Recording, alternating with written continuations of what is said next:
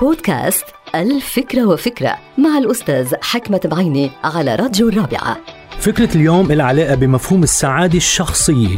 خلينا نشرح. الفرق بين السعداء والتعساء. انه السعداء بيعيشوا حياة مليئة بحكايات وقصص من إنتاجهم الشخصي. حكايات بتتحدث عنهم وعن مغامراتهم وتطلعاتهم وأمالهم.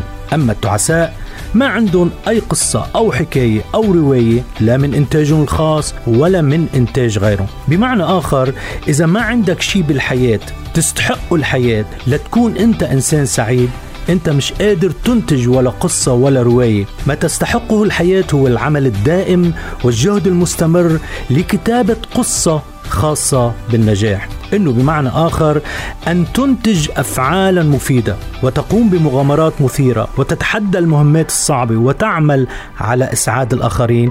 هذا ما تستحقه الحياة. كل هذا سيمنحك يوما فرصة كبيرة لتحكي قصتك لأولادك أقربائك وأصدقائك عن حياة مثيرة. أما أن ينتهي بك الأمر إلى الخمول والكسل والتلكؤ عن العيش في خضم الحياة ومشاكل الحياة فهذا يعني أنك من فريق التعساء. هذه الحلقة مقتبسة من كتاب الفكرة وفكرة.